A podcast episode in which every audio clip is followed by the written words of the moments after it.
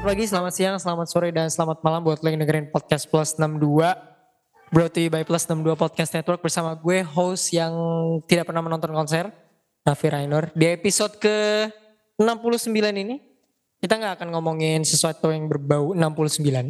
Tapi kita akan ngomongin eh, sesuatu yang sedang panas akhir-akhir ini. Tapi sebelum itu, eh, di episode 69 ini gue eh, memberikan pesan buat lo yang dengerin untuk follow Spotify kita di mana pun lu eh, follow podcast kita di mana pun lu dengerin. Kalau di Spotify lu ikut Q&A-nya dan pollnya di bawah kalau dengerin. Dan follow Instagram kita di @plus62id. Di episode ini kita bakal bahas tentang konser. Sesuai yang kalian tahu, konser ini adalah sebuah kegiatan atau acara musik yang dilakukan dengan skala besar. Nah ini di era pasca pandemi ini konser kembali menjamur. Mulai dari konser pensi, konser lokal, hingga skala internasional buat kalian yang tahu akhir-akhir ini akan ada konser Coldplay di Indonesia. Judulnya apa? Music of Spears ya? Music of Spears. Tanggal 15 November. Karena gue bahas konser, jadi gue mencari teman-teman gue yang sekiranya sih paling konser. Dan akhirnya gue sudah mengkerucutkan menemukan satu orang yang sudah menonton lebih dari tiga konser eh, internasional. Jadi ada Laren ya di sini. Halo. Halo. Oke, hari ini ada Laren yang udah sering banget nonton konser. Waduh. terakhir kali lu di Plus 62 itu di episode apa ya? Episode Circle Bestie. Bestie ya? Iya, Bestie. Bestie itu episode 64, jadi boleh didengerin juga. Nah, eh gue di sini akan mengajak ngobrol Laren ya soal eh, konser itu. Jadi karena khususnya di daerah Jabodetabek ya, konser itu sangat-sangat menjamur banget. Ada di Jakarta Tangerang ya, lebih Iya, lebih utamanya. Biasanya Tang- kalau misalkan K-pop tuh di Ice Base Day. K-pop di SBSD itu di Tangerang Selatan. Ya. Eh, terus ada nggak di Tangerang venue lain selain SBSD? Eh, kayaknya cuman Ice Base Day doang deh. Eh, Ice Base Day doang. Padahal- Kadang juga pernah di stadion di GBK di Istora. Oh Istora. Istora. Ya. Oke, ISBSD di Tangerang Selatan, di GBK, Istora Senayan, di Senayan, di JIS ya juga Iya, situ. konser dipakai walaupun aksesnya susah.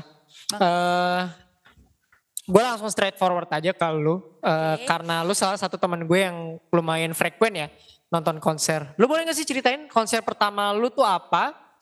Ah iya, konser pertama yang pernah lu datengin dan skalanya tuh sebesar apa? Karena konser kan ada berbagai macam Iya, tipe ya. ah. Sebenarnya konser tuh bisa dibilang penampilan musik. Hmm. Bisa skalanya besar, internasional kayak K-pop, kayak Coldplay juga atau konser yang skalanya lokal gitu ya kan. Yang biasa ada di apa namanya? Pensi, pensi. pensi atau kayak taman-taman gitu Iya. kan. Biasanya kan ada apa sih? eh, kayak berdendang bergoyang itu Iya. bisa dikategorikan sebagai konser ya? Iya, bisa. Oh bisa oke. Ya udah, konser pertama lu, pengalaman konser pertama lu dan skalanya sebesar apa? Oke, kalau misalkan skala pensi gitu, pertama tuh ada Nepal Cup. Nepal Cup itu tuh eh, sekolah SMA N3 Tangsel, Ha-ha. itu pensi kan closingannya. Di situ gue nonton Shalom Seven karena gue suka banget sama lagu-lagu Ah, Shalom Seven. oke, oke. Itu kalau misalkan untuk kelas eh, pensi ya. Mhm. Terus kalau misalkan kelas internasional, gue pertama kali nonton itu konser Wanawan di Ice BSD Mhm. pada tahun 2018 juga. Itu pertama kali gue nonton konser dan mungkin nanti akan ada pertanyaan gimana cara gue dapetin tiket konser Oh iya. kali ya bener. karena One One tuh eh, salah satu grup eh, boy band. iya boy band K-pop, cuma sekarang udah disband sih. Oh, Iya, oh iya serius. Karena dia Oh. survival. Oh, Oke Iya. oke oke oke. Kalau lu boleh cerita kepada mungkinnya orang-orang yang dengerin belum pernah nonton konser, seseru apa sih lu nonton konser? Bisa apa pun ya, kayak konser pokoknya in general gitu. Kayak eh seseru dan sebeda apa eh nonton langsung sama nonton di sosial media gitu. Pasti beda banget lah ya kalau misalkan kita datang langsung sama nonton dari HP doang atau Hmm. dari laptop gitu. Kalau misalkan untuk kelas pensi sih, eh dia kan kebanyakan outdoor ya kalau misalkan kelas Iya, pensi ya. ha. ya Jadi sebenarnya bisa bisa aja nonton gitu iya, dari jauh. biasanya nonton konser sih paling kalau hujan sih. Cuman masih tetap enak aja gitu Hmm. kalau hujan-hujan ya. Terus kalau misalkan konser kayak K-pop atau internasional kan biasanya kan di dalam ya. Hmm. Nah itu tuh konser pensi maupun konser K-pop tuh bener-bener crowded banget. Ma- malah nih ya gue pernah diberhentiin waktu lagi nonton Wanawan 30 menit karena banyak banget yang dorong-dorong di Oh, gitu. section VIP iya.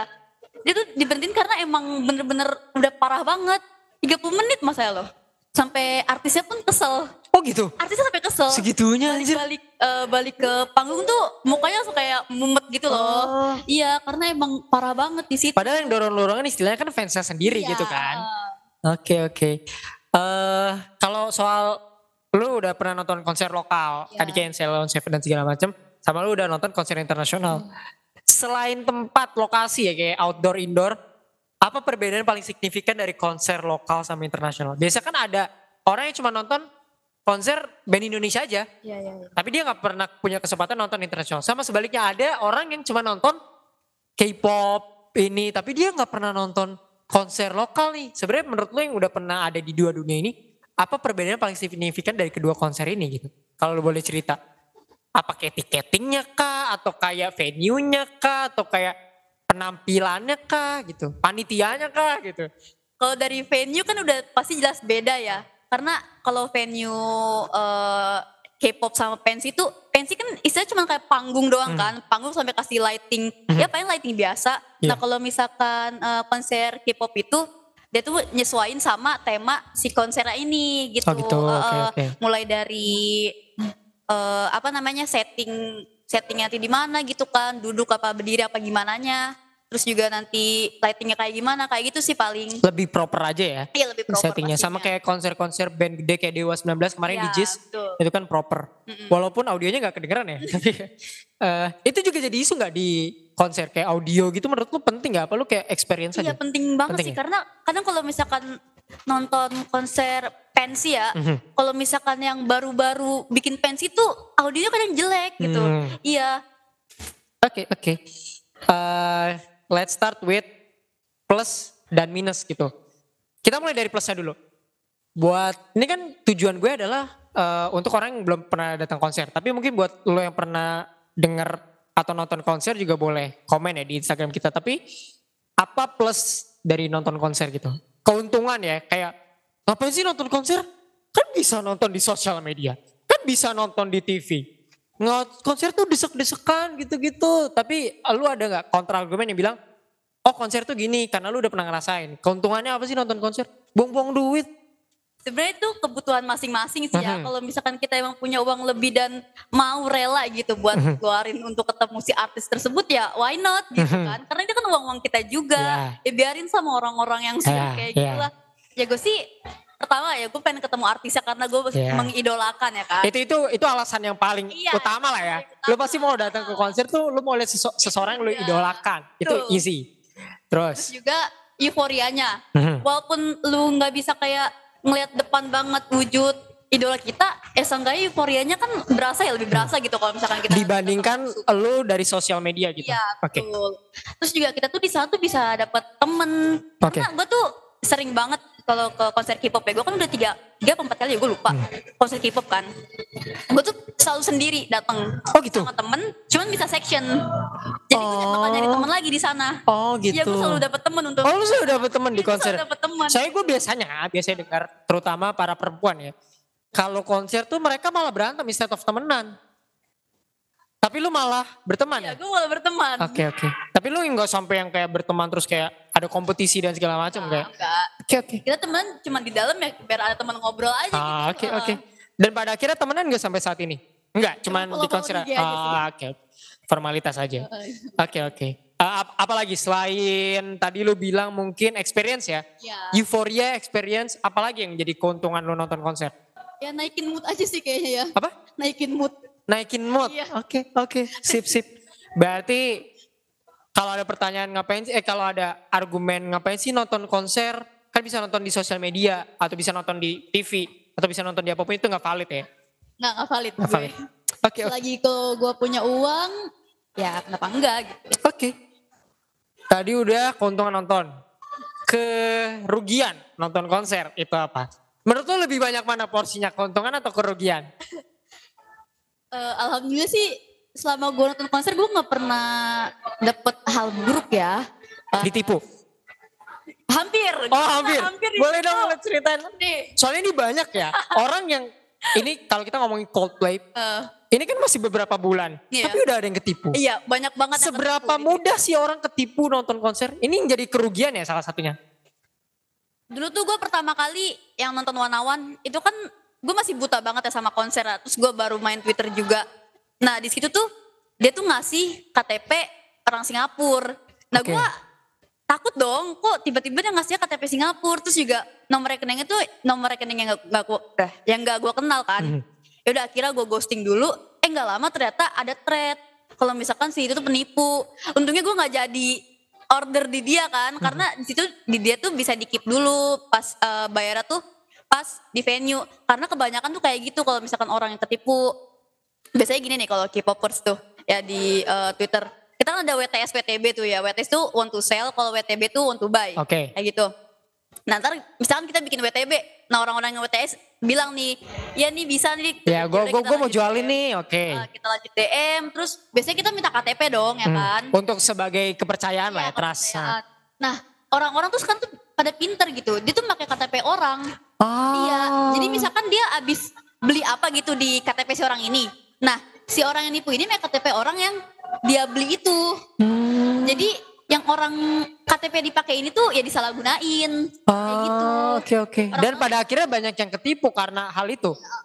Oke oke. banyak juga sih sekarang yang udah pakai KTP asli cuman bisa ketipu banyak juga ada Oh gitu. Iya banyak juga.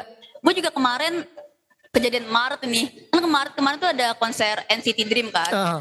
gue tuh emang ngidolain banget kan sama NCT dan gue tuh emang baru ada uangnya tuh pas hamin seminggu deh kalau nggak salah Ya udah gue cari dan Kalau lu baru udah ada uangnya hamin seminggu, berarti lu nggak beli secara official ya? iya gue nggak beli secara ofisial dan pasti itu akan lebih mahal karena udah dipegang sama orang kan Oke. karena calo-calo sekarang lu lihat aja lah the Coldplay sekarang kayak gimana yang harganya 1,5 dijual jadi 4 juta Calo Bahkan ada yang dijual. Ultimate Experience 11 juta, dijual 30 juta. iya malah ada sampai 60 juta sekarang Dan ada yang menyanggupi. ada Anjing. orang-orang ya nggak K-pop doang sih western juga Iya iya. pasti ada K-pop aja juga ada yang menyanggupi. ada Contoh berapa juta? 30 deh kalau nggak salah waktu itu Dari harga aslinya harga aslinya cuma 3 juta cuma 3 juta. Cuma 3 Disanggupin 30 juta. iya sanggupin Damn.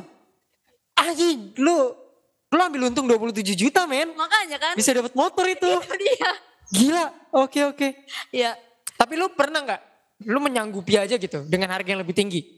Eh, waktu itu gue tuh nyari berapa ya harganya kalau nggak salah 1,2 deh Mhm. cuman emang orang-orang ini sekarang jualnya udah pada gila kan Mhm. yaudah kira gue budgetin maksimal gue 2,5 Mhm. yaudah gue mau ngeluarin segini kan untuk eh, yang gue mau kan gue cari tetap aja nggak ada susah banget karena emang demandnya tuh banyak Gede. kan Eh, eh, demandnya banyak demandnya gede jadi orang-orang tuh pada ngambil apa ngambil kesempatan buat ini gede-gedean nih kayak gitu Oke, oke, oke. Tiketing ya, eh, bertempur. Nanti kita akan ngomongin war ticket. Itu salah satu istilah yang umum ya di ditahu di konser. Selain dari ketipu, apalagi kerugian yang pernah lu dapatkan atau yang pernah lu dengar orang nonton konser gitu. Kalau kerugian tuh kayak udah pasti karena lu mengeluarkan uang dengan sejumlah yang, yang cukup kecil. banyak Eh, ya apalagi kalau lo nonton konser level internasional kayak K-pop atau western atau apa pun gitu ya. Eh, selain dari ketipu apalagi? Apakah lo berdesak-desakan? Apakah lo pernah merasakan hal tersebut? Karena kan kalau kerugian itu sebelum. Ya. let's say kita rugi di konser nah Iya. apa aja kerugian yang pernah lo dapatkan? Konser apa pun ya indoor outdoor pensi internasional? Karena gue eh, selama ini kan nonton konser selalu yang standing kan atau berdiri. Oh lu nggak pernah duduk? Enggak nggak pernah duduk. Dan gue ini kan termasuk kecil ya. Kecil banget mas. 148 lu bayangin aja anjir. Nggak bakal kelihatan dong ya kan? Ya gue tuh waktu nonton konser One One cuma ngeliat kepalanya doang. Ya karena nggak Allah. kelihatan. Oke oke. Iya itu desek-desekan pada mau apa pada mau ngedorong maju maju maju. Padahal emang udah desek banget di Hmm. situ. Itu sih paling sih. Oke, desek-desekan ya. Aduh, kasihan banget sampai kayak gitu karena gue ngeliat banyak, uh, gue nggak mengeneralisir fans K-pop ya, tapi banyak sekali isu desek-desekan tuh terjadi kalau nggak di fans uh, band Indonesia yang amat radikal Iya, ya. Kayak heeh. baru-baru ini kemarin Slang kalau gue nggak salah Oh iya, sempat ada ada keributan, uh, kericuan di situ karena gue ya gue tahu banget fansnya Slang ini benar-benar uh, Iya, loyal dan parah. sangat ini banget lah. Mosing ya pada mosing. Sementara di sisi sini K-pop itu kemarin Sama ada juga. NCT kalau nggak salah. Iya NCT itu dia kayak 127 itu sampai eh, barikadenya tuh jatuh. Anjir, jatuh benar jatuh tahu kan pagar Ini cewek semua loh cewek padahal. semua itu tuh pagar tahu pagar besi kan Mhm. sampai jatuh karena orang dorong dorongan SM tahu SM kan SM Entertainment tuh tadinya tuh mau nge-blacklist Indo loh karena kejadian itu Oke.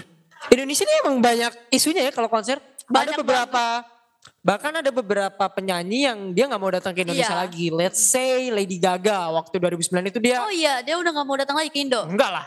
Dia tuh udah tinggal beberapa minggu lagi, Hah? posternya udah di mana-mana, batal. karena Oke, karena isu fansnya Enggak, bukan fansnya enggak. Kalau Coldplay lu tahu ada isu LGBT ya? iya tahu itu Lady Gaga itu kan diketahui dulu kayak iblis ya? tanda Eh, kutip kayak pemuja, iya pemuja setan ah, gitu lah. setan Ya udah, jadi kita tidak menerima pemuja setan ke negeri ini, begitulah. gue mau nanya tentang eh, pricing ya. Ini tuh jadi isu karena banyak yang bilang, oh kok tiketnya ini mahal, kok tiket eh, ini yang paling murah aja mahal, gimana gue? Misalnya kan banyak fans loyal sebenarnya mereka datang dari ekonomi yang mungkin nggak cukup lah untuk itu. Menurut lo haruskah tiket itu diselaraskan jadi orang bisa beli banyak atau tiket tiket dimahalkan dalam artian menghindarkan beberapa orang yang kemungkinan kayak rusuh dan segala macam. Menurut lo apakah tiket itu mahal itu wajar? Sebenarnya tergantung artisnya sih ya. Mhm. Kalau artisnya emang udah lama, kalau misalkan istilah K-pop de- debutnya ya, Mhm. debutnya lama gitu, mahal sih wajar aja karena selama ini kalau misalkan di konser K-pop ya, yang Mhm.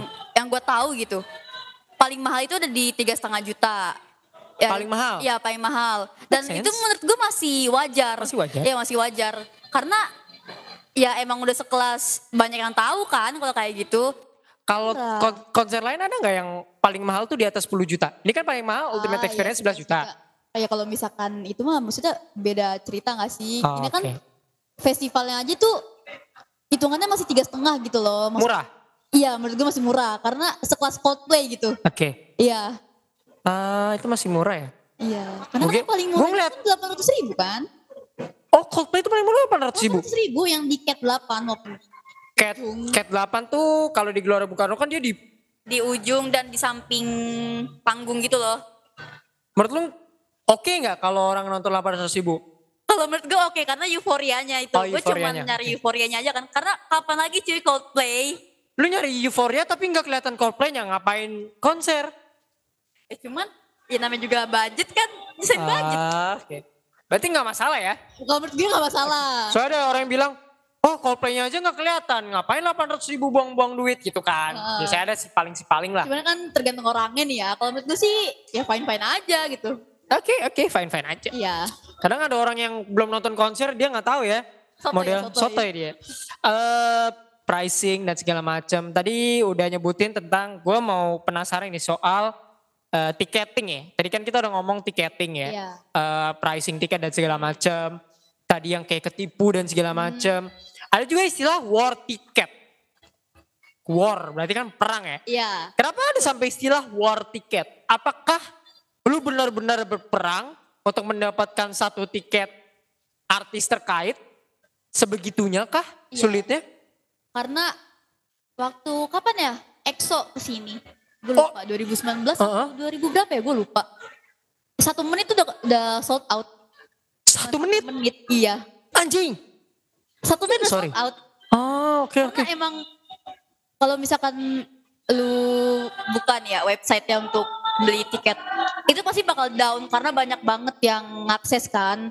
Dan buat masuknya pun susah, susah banget. Itu harus cepet-cepetan. Apalagi sekarang ada juga istilahnya calo sama just tip kan yang belinya itu yang belinya itu Borongan. sekali ba- sekali langsung banyak ya kan dibanding kita yang mau beli satu tiket doang. Nah pasti kan mereka juga punya tim kan nih yang lebih banyak dibanding kita yang satu orang doang. Nah iya kita tuh bakal rebutan.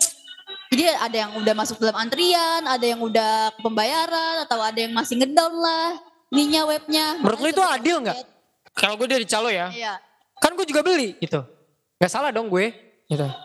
Sebenarnya salah nggak salah sih Hmm. emang ya. Cuman Tapi kayak eh, apa namanya? Mereka menjualkan lagi gitu ya. Iya. Mungkin itu yang cuman ngejual lagi tuh tuh nggak ngotak gitu. Mereka tuh malah ngambil kesempatan di situ. contoh kayak Coldplay ini. Iya. Apalagi calo tuh biasanya tuh bukan dari kalangan fans. Iya. Oh berarti malah dia memanfaatkan itu ya? Jadi Iya. banyak fans yang nggak dapat karena dia Hmm, betul. beli gitu. Oke. Nah, kalau just tip tuh beda lagi. Just tip tuh biasanya orang kita nih nitipkan sama emang yang udah jago Hmm. gitu. Gak apa-apa lanjutin. Udah jago apa namanya? tiketing gitu kan, war tiket. Nah, kita tuh beli di orang biasanya fee-nya itu tuh dari 100 sampai 500. Ribu. Iya. Ini apa just tip? Iya, just tip. Kalau misalkan calo tuh bisa 1 juta sampai 2 juta ke atas malah lebih. Dia ngambil untungnya banyak banget ya. Banget. Kemarin tuh gue lihat ada calo Coldplay kalau Iya. nggak salah. Dia itu eh, pokoknya orang harus naruh dulu DP misalnya. Hmm. Kalau misalnya dia nggak dapet, misalnya orang lain nggak dapet tiket, Iya. tetap dia narik fee gitu loh. Oh, 15 juta, eh 15 persen, apa berapa persenan ya. Jadi 20 persen. just tip itu ya? Kayaknya gitu deh, just Iya, tip just deh. tip. Jadi dia persenannya orang dapat nggak dapat pun si yang penyedia layanan ini, Hmm. layanan just tip ini, dia akan dapat Iya, persenannya. biasanya kayak gitu. Just tip tuh kayak eh fee just tipnya ya kan. Sa- 100 sampai 500. Nah, fee just tip itu emang buat si dianya yang orang just tip Hmm. ini. Jadi misalkan harga asli tiket 1,5 nih. Fee-nya 500. Kita 2 juta dong transfernya. Nah, uang yang balik ke kita, ke kita tuh kalau misalnya kita nggak dapet ya 1,5. 500 buat si orang just tip ini.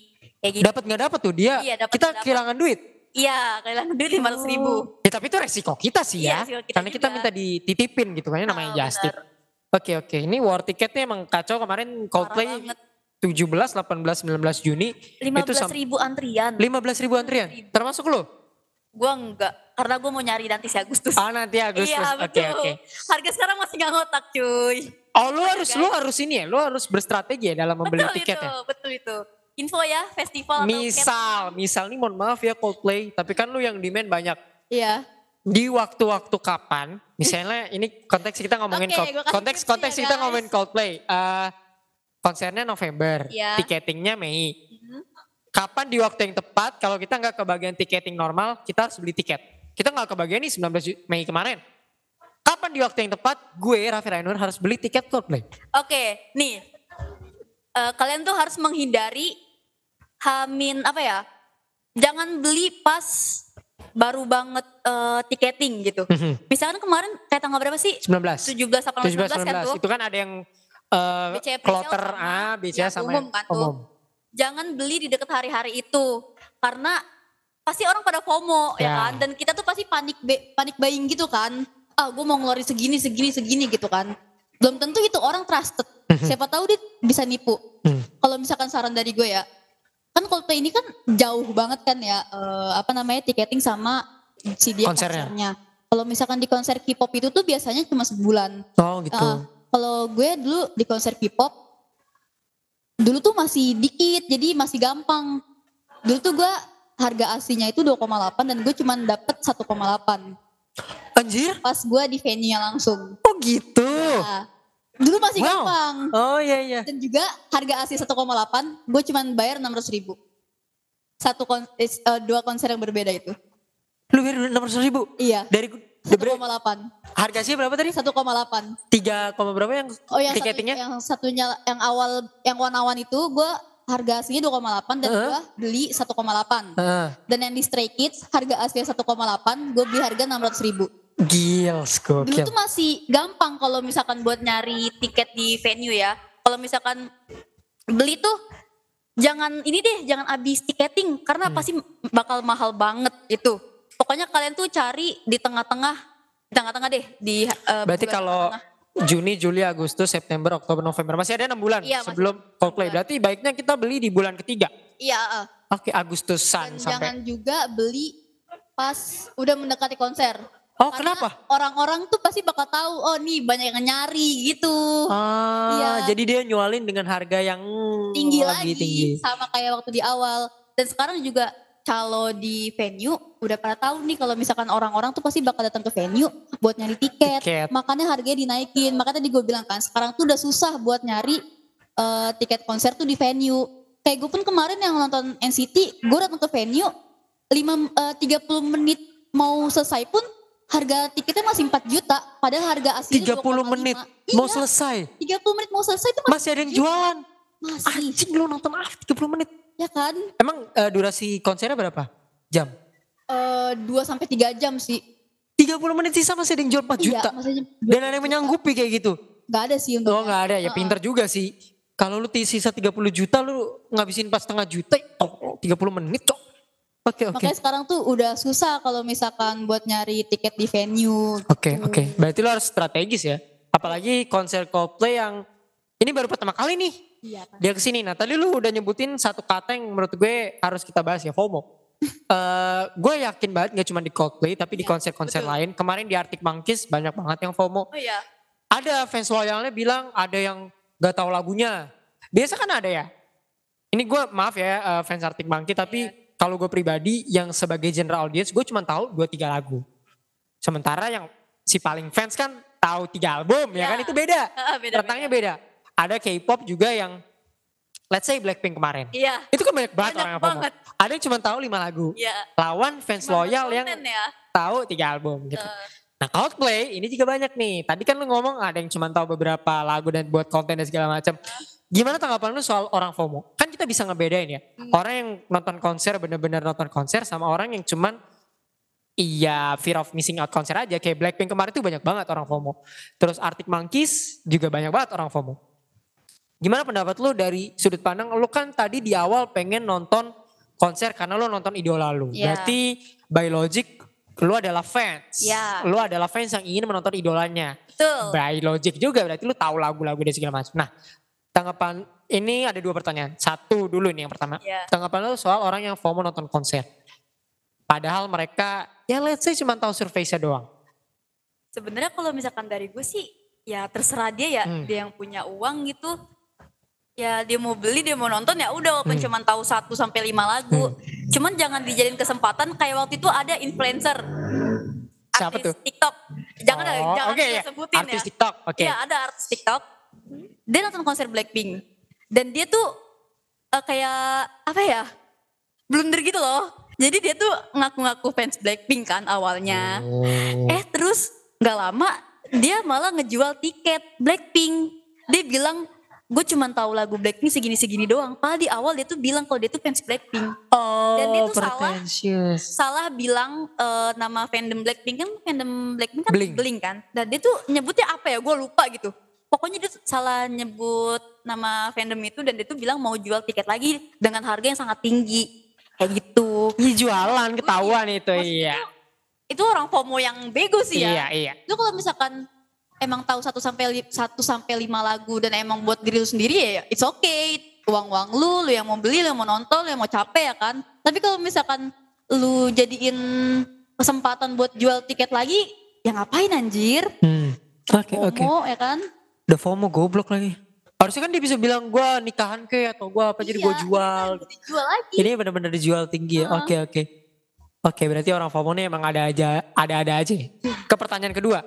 Emang harus nonton konser tuh minimal tahu lima lagu dulu. Enggak Menurut juga lo? sih sebenarnya. Gue pun waktu nonton konser Stray Kids nih ya, gue nggak tahu semua lagunya. Oh gitu. Iya, Terus lu ngapain nonton konser kalau lu gak tahu lagunya? eh gak apa mau joget-joget aja. Oh joget-joget aja. Oke oke. Sama banget artis ya kan. Oh. Tapi bikin konten gak? Gue bikin gak ya waktu itu? Soalnya kan ada lu udah gak tahu lagunya. Tapi sosokan bikin Instagram story lagi gitu. Gue sih ngekontenin yang gue tahu lagunya. Hmm. Iya. Oh, oke oke. Jadi no problem lah ya. Iya, no problem. Berarti orang nggak harus tahu lima lagu dulu ya Iya. buat nonton konser. Oke. Eh nonton konser itu idealnya ngerekam atau enggak? Boleh nggak sih orang ngerekam di konser? Karena kan kita hidup di sosial media. Banyak banget yang protes. Lu tuh kok sekarang ngerekam-ngerekam mulu sih tapi ada yang bilang ini kan once of once in a lifetime experience gue. Gak apa-apa dong gue ngerekam. Lu ada di pihak mana di sini? Yang nonton nggak masalah kalau ngerekam atau yang nonton aja just enjoy the moment tapi nggak perlu ngerekam banyak-banyak gitu. Gue sih nggak apa-apa ya dia mau nonton ngerekam Hmm. apa enggak. Cuman asalkan jangan sampai ngeganggu orang lain kayak. Mhm. Misalkan masa ya lu lagi nonton konser yang standing gitu ya kan?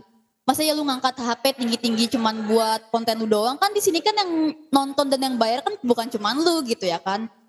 Ya minimal mah sepundak aja gitu, eh sepundak siapa sih ini sedada gitu kan? Asalkan kelihatan gak usah diangkat tinggi-tinggi.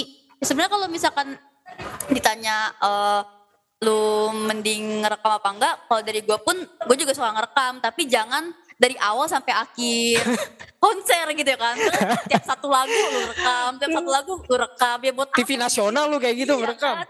Gila lu. Ya Live streaming. momen aja gitu ya kan Ah. Heeh. Emang ada yang rekam dari awal sampai akhir? ada aja Oh ada aja. Ada aja. Anjing. Itu memorinya berapa giga anjing? Ngerekam dari oh ada tuh kayak gitu. Ada. Oh gitu ya. Ya Itu apa kegunaannya dia ngerekam dari awal sampai akhir? Ya, mungkin konten kali ya Jangan sampai bilang dijual lagi nih. nggak mungkin dong kalau dijual dong Oh, tapi ada klip-klip konser yang dijual gitu. kalau klip konser sih nggak ada sih. Nggak ada? iya Oke. nggak ada biasanya dari agensi sendiri Oh, dijual oke. oke. CD-nya gitu Oke oke. Iya emang orang suka demi konten lah ya. Mm-mm. Saking demi kontennya itu sampai ada yang di watermark videonya. Iya Itu kenapa kayak gitu? gue pernah dicuri video gue Oh gitu. Karena foto gue pernah dicuri Damn. dan gue di hide sama dia. Oh. Heeh. karena ya lu kalau misalkan emang mau ngambil foto atau video gue, seenggaknya bilang atau gue aja diliatin gitu. Sorry teman lu ini nonton konsernya? Enggak. Enggak, anjing.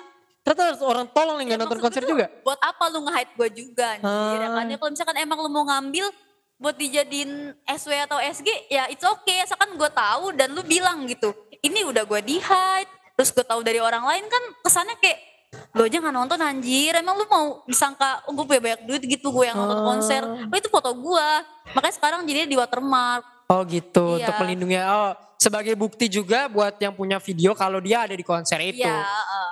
Orang FOMO ternyata nggak di dalam konser juga, di luar di konser luar juga konser ada. pun juga ada Gue yakin nih Coldplay orang semua pada Pasti watermark banyak- ya. eh, pasti pada watermark Karena saking FOMO-nya tuh orang suka gimana ya? Ada beberapa oknum ya. ya Saking FOMO-nya dia, dia nggak dapet tiket nih. Hmm. Tapi FOMO banget. Nah, Dan dia pengen nunjukin kalau gue ada Dia di nonton. venue gitu. Dan itu dia, dia dilakuin dengan ngambil ngambil foto atau video video orang orang. Segitunya ya? gitunya Anjir, anjir. Oke, oke. Oke, there's so many things yang ada di eh, konser ya. Cuman kalau gue pribadi sih, mungkin gue agak sih paling ya. ya Cuman kalau gue pribadi, gue memang belum pernah nonton konser yang tarafnya internasional. Ah. Gue baru nonton konser lokalan yang emang gue tau lah beberapa lagunya. Cuman bagi gue, at least lu harus tahu beberapa banyak lagunya sih buat gue ya. Iya. Karena kayak, ya gue ngerti konser itu entertainment, gue ngerti. Tapi gue tuh ada di bagian yang kayak eh fans lah yang berhak juga nonton konser gitu. Bukan berarti yang gak ngefans itu gak boleh nonton konser, cuman ya lu kan bayar duit segini ya. Kalau lu nggak enjoy every moment nyanyi bareng, what's the point gitu? Menurut gue itu sih. buat apa ya Buat apa gitu. Makanya kayak gue pribadi menyiapkan nonton konser tuh at least ini lucu sih cuman gue pengen tahu kayak di atas lima lagu lah. ya Jadi kan set list lagu tuh kan banyak ya. Hmm, banyak. Mungkin kayak berapa? 15 20 lagu? Bisa segitu Ya seenggaknya gue tahu setengahnya lah. ya, setengahnya tahu ya Sisanya gue hawa gitu lah. Iya gak sih? iya benar-benar Kayak Coldplay misalnya. Eh, Kan gak, nggak mungkin set list lagunya Coldplay semua orang tahu. Misalnya kayak lagu-lagu underground yang YTTA doang lah. hmm, Pasti kan orang taunya kayak Fix You ya gak sih? Halo, Kayak Him of the The iya of the Weekend, The Heeh. Scientist. Tapi di sisanya lu kan kayak ngangong-ngangong. iya benar Daripada lu ngangong-ngangong di seluruh eh, konser, Konser. dan lu cuman ngerekam doang. So, so, oh lu si Coldplay nih padahal lu gak tahu lagunya. Menurut gue ya lu at least harus tahu juga lagunya seperti apa. Kalau lu gak ngefans setidaknya satu minggu sebelum konser lu setel lagunya. iya, biar tahu gitu ya kan. Biar Satu lu- enjoy in the moment ya kan. Satu lu tahu, dua lu bisa enjoy. Iya betul. menurut gue di dalam konser lu paling penting tuh lu enjoy. Betul. Masa lu gini doang sih, ngerekam doang sih? Ya gak sih itu sih. Itulah menurut gue kenapa konser lu setidaknya harus tahu lima lagu ya. Iya Karena orang-orang FOMO nih, aduh anjing lah. banyak. Soalnya di Twitter nih gue mulai, ini sering banyak ya conversation kayak gini kayak ketika band ini datang ada dua kubu yang satunya FOMO, satunya lagi si paling beda nih bilang, ya lah dia juga jelek, ngapain nonton konser dia gitu loh, ngerti nggak? Ngapain sih nonton Blackpink, Blackpink jelek gitu loh. Ngapain sih nonton Coldplay, Coldplay jelek, overrated gitu lah. Orang-orang musik kan berisik ya. Aneh-aneh ya. Aneh-aneh ya, maksud gue kayak, kayak tadi pendapat lu, nonton sih sebenarnya nonton aja. Cuman akan lebih baik kalau lu tahu Lagunya. minimal lima lagu Heeh. gitu.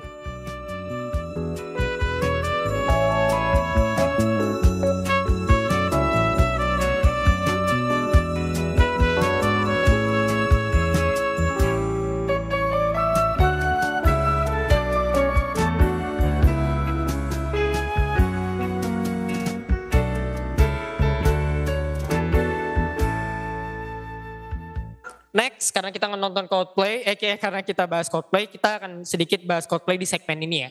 Eh, lu sendiri gue mau nanya, lu datang nggak? Eh, kira-kira ya, persentase lu untuk nonton Coldplay karena menurut gue ini adalah konser paling hype Iya betul. dalam lima tahun terakhir lah di Indonesia gitu. Iya. Blackpink tuh udah gede kemarin. Masanya di Gelora Bung Karno tuh rame banget, story gue pink semua. Dan ini gue rasa lebih Bakal lebih rame lagi. kacau lagi karena ini menyangkut yang lebih umum ya. Iya. Kalau Blackpink kan mungkin perempuan, laki-laki gitu kan. Tapi kalau Coldplay kan ini kayak seluruh elemen, masyarakat, milenial ikut, Gen Z ikut. Eh, lu non- berapa persen, di mana persentase lu akan nonton Coldplay? 1 sampai 100. 80. 80 persen. Ya karena masih lama juga dan gue masih bisa nyari-nyari tiket juga kan sampai Oke. sekarang. Ya gue masih bisa nyelam lah ke Twitter lah dan Oke. 80%. Walaupun hamin satu gue belum dapat tiket konser, ya pas hari H gue akan gue akan datang ke GBK. Oke, 80 persen Gua akan iya. menonton Nah, Coldplay. 80% gue akan nonton. Berarti gue gue boleh dong kalau gue minta izin untuk eh Cariin tiket. Enggak, cara eh, ambil video boleh ya berarti. Boleh. Selama gua nggak nyuri kan. Iya sama nganjuri Oke, mah gak apa-apa. Oke. Eh kita udah kedatangan dua bolak bilik ya. Ada Hani dan Rehan di sini. Halo. Eh, di segmen ini kita bahas tentang konser Coldplay ya. Tadi kita udah bahas konser secara keseluruhan guys. Eh gua gue yakin kalian berdua mending dengerin aja eh, full video eh, full episodenya. Oke. Tapi kalian berdua apa dia di angka 1 sampai 100% berapa besar persentase lu akan menonton konser dengan hype paling besar dalam dekade ini? Buat ikut Hani. Kalau gue 1 sampai 100. 70. 70% lo akan menonton Coldplay? Iya, karena pertama adalah kan November ya. Gue banyak nih ada oknum-oknum yang ngakunya kelebihan beli tapi ternyata calo, dia Hmm. ngejualin gitu. Tapi 30 persennya itu nggak jadi kalau misalnya harganya terlalu gila Oke. dan ada halangan lah pastinya. kayak Oke, gitu. oke. Lu? Gue 20 persen Oh, lu lu enggak, lu Iya. being realistik aja ya? being realistik karena bayar kuliah juga kan tahun ini. Jadi kayak masih banyak kebutuhan lain yang harus dibayar gitu. Jadi ya kalau Coldplay gue yakin sih bakal datang lagi nanti. Kayak tadi kita udah ngomong, berkonsep tuh minimal harus tahu lima lagu. Sebutin dong list pribadi lu ya, ini gak ada si paling-paling ya. List pribadi lu, top 5 Coldplay song versi lu. Oke, Nanti dilanjut sama Rehan dan dilanjut sama oke. Untuk nomor lima, gue naruh Pixiu. Kenapa gue naruh Pixiu? Karena lagu terlalu galau ya. gue taruh nomor lima. Terus yang keempat itu ada Yellow. Terus nomor tiga itu ada Live for the Weekend. Terus nomor dua ada Sky Full of Stars. Dan yang nomor satu ada Viva La Vida. Viva La Vida tuh enak banget cuy. Iya, kalau tidak tuh eh, andalan ya di awal kita pas masih kecil tuh. Iya, bener Jadi banget. deket lagunya. Oh lu, oh Hani. Eh, Ya udah Hani dulu deh, kita mau tahu top 5-nya apa sih? Pasti keren banget Kalau bukan Viva La Vida di dalamnya. Viva La Coba kita dengerin ya, guys. Oke, top five gue yang yang kelima adalah Paradise. Karena kayaknya semua orang eh, suka lagu itu sih gitu. Terus yang keempat adalah Yellow karena itu gimana itu menggambarkan kayak kalau ketika gue jatuh cinta ya Yellow adalah kalau matamu gitu. tiga lagu gue nonton juga. Terus yang ketiga tuh gue hebat lagi yang ketiga nih. Tapi akan gue pilih deh yang ketiga itu eh clocks. Iya. Ya deh clocks itu. Terus yang kedua, kedua ini masih edisi galau ya, The Scientist. Come out to me, to tell me sorry. Oke lanjut nomor satu. Ya mesti satu dia adalah lagu kesukaan gue banget tapi jarang gue dengerin sih. Apaan tuh? Eh, Adventure of a Lifetime. Nomor satu tapi jarang lu dengerin. Iya maksudnya ketika gue dengerin itu gue suka banget. Oke. Tapi itu gue gue suka banget sama lagu galau nih. Jadi lagu itu tuh jarang gue dengerin kayak gitu. Pan gitu ya. Ya tapi lagunya fun gitu buat gue hidup aja. I feel alive. Oke. Kalau gue nomor 5 itu Swallow in the Sea. Kalau misalkan nggak tahu dengerin aja kayak itu galau banget. Terus yang keempat itu Warning Sign. Yang ketiga itu Him for the Weekend karena ingetin gue ke masa-masa SMP. Ah, Udah, udah, ah, kayak gitu. Terus yang kedua itu Fix You karena gue suka liriknya. Oke, yang pertama itu Sky Full of Star karena gue suka vibes-nya tuh apa ya seru aja gitu suka membangun hidup gue kayak Vibes-nya kayak kayak melayang gitu. Iya iya iya iya. Kayak melayang. It's your sky. Terima kasih. Kalau lu, Oh gue juga. ya, Oke, gue belum menyiapkan list seperti teman-teman ini, cuman top 5 gue, versi gue ya. Tapi tadi ada beberapa lagu-lagu yang gak familiar di telinga gue tadi kalian yang sebutin berdua. Kalau tadi Ryan nyebutin gue familiar. Tadi yang Ryan nyebutin gue gak familiar. Jadi gue bukan fans palsu kan, gak apa-apa kan ya. enggak lu palsu banget. kalau- Lu palsu, lu fans palsu. Oh gue fans palsu Lu ya. FOMO, lu cuma FOMO doang. FOMO sih. Tapi top 5 song gue nomor 5 Something Just Like This. Oh, something just like this. Itu sama Chainsmoker. Dua-duanya lagi di masa peaknya ya. Iya, dari 15 gak sih? Something Just Like This. Nomor 4 itu The Scientist. Itu namanya yang tadi. Terus eh, nomor 3 gue Fix You. Fix You gue nomor ya. Nomor 2 eh sorry. Nomor 2 Fix You. Nomor 3 Up and Up. Ah iya iya iya, apa Gue Up and Up nomor 3. Oh iya itu bagus. Nomor 1 Viva La Vida. Sing Ada yang gak nyebutin lagu, ada lagu yang gak kita sebutin. Sparks. Oh, eh pas malam-malam suka bengong pakai lagu Tadi klub enggak ya? Klub enggak disebut juga ya? Clock, clock sudah Adi. itu ya itu Jadi eh itu ya. Aku gak milih lagu sama BTS sih. Kenapa? Gak milih lagu sama BTS. Aduh jelek. Oke. eh, Iya, bagus lagu. bagus kan bagi bagi sebagian orang. Coldplay-nya aja ya. Soalnya kan Coldplay udah Coldplay udah Versi Coldplay-nya aja. Coldplay kan udah bergeser genre. Gak ikutan ya guys. guys aku gak ikutan di serius Ami gak ikutan ya Oke, Raihan gak ikutan guys. Oke itu aja. ya. Oke, itu aja. Berarti eh, kalau mau nonton Coldplay minimal harus tahu lima lagunya ya. Kalau Paling nonton Coldplay minimal punya duit lah guys minimal maksudnya ya pasti kalau kita nggak punya duit bakal bisa coy itu minimalnya Soalnya kalau misalnya punya orang dalam ya. Betul. Ada sebuah pepatah mengatakan jangan kita jangan kita salah. sebuah pepatah mengatakan duit bisa dicari, tapi nonton Coldplay cuma sekali.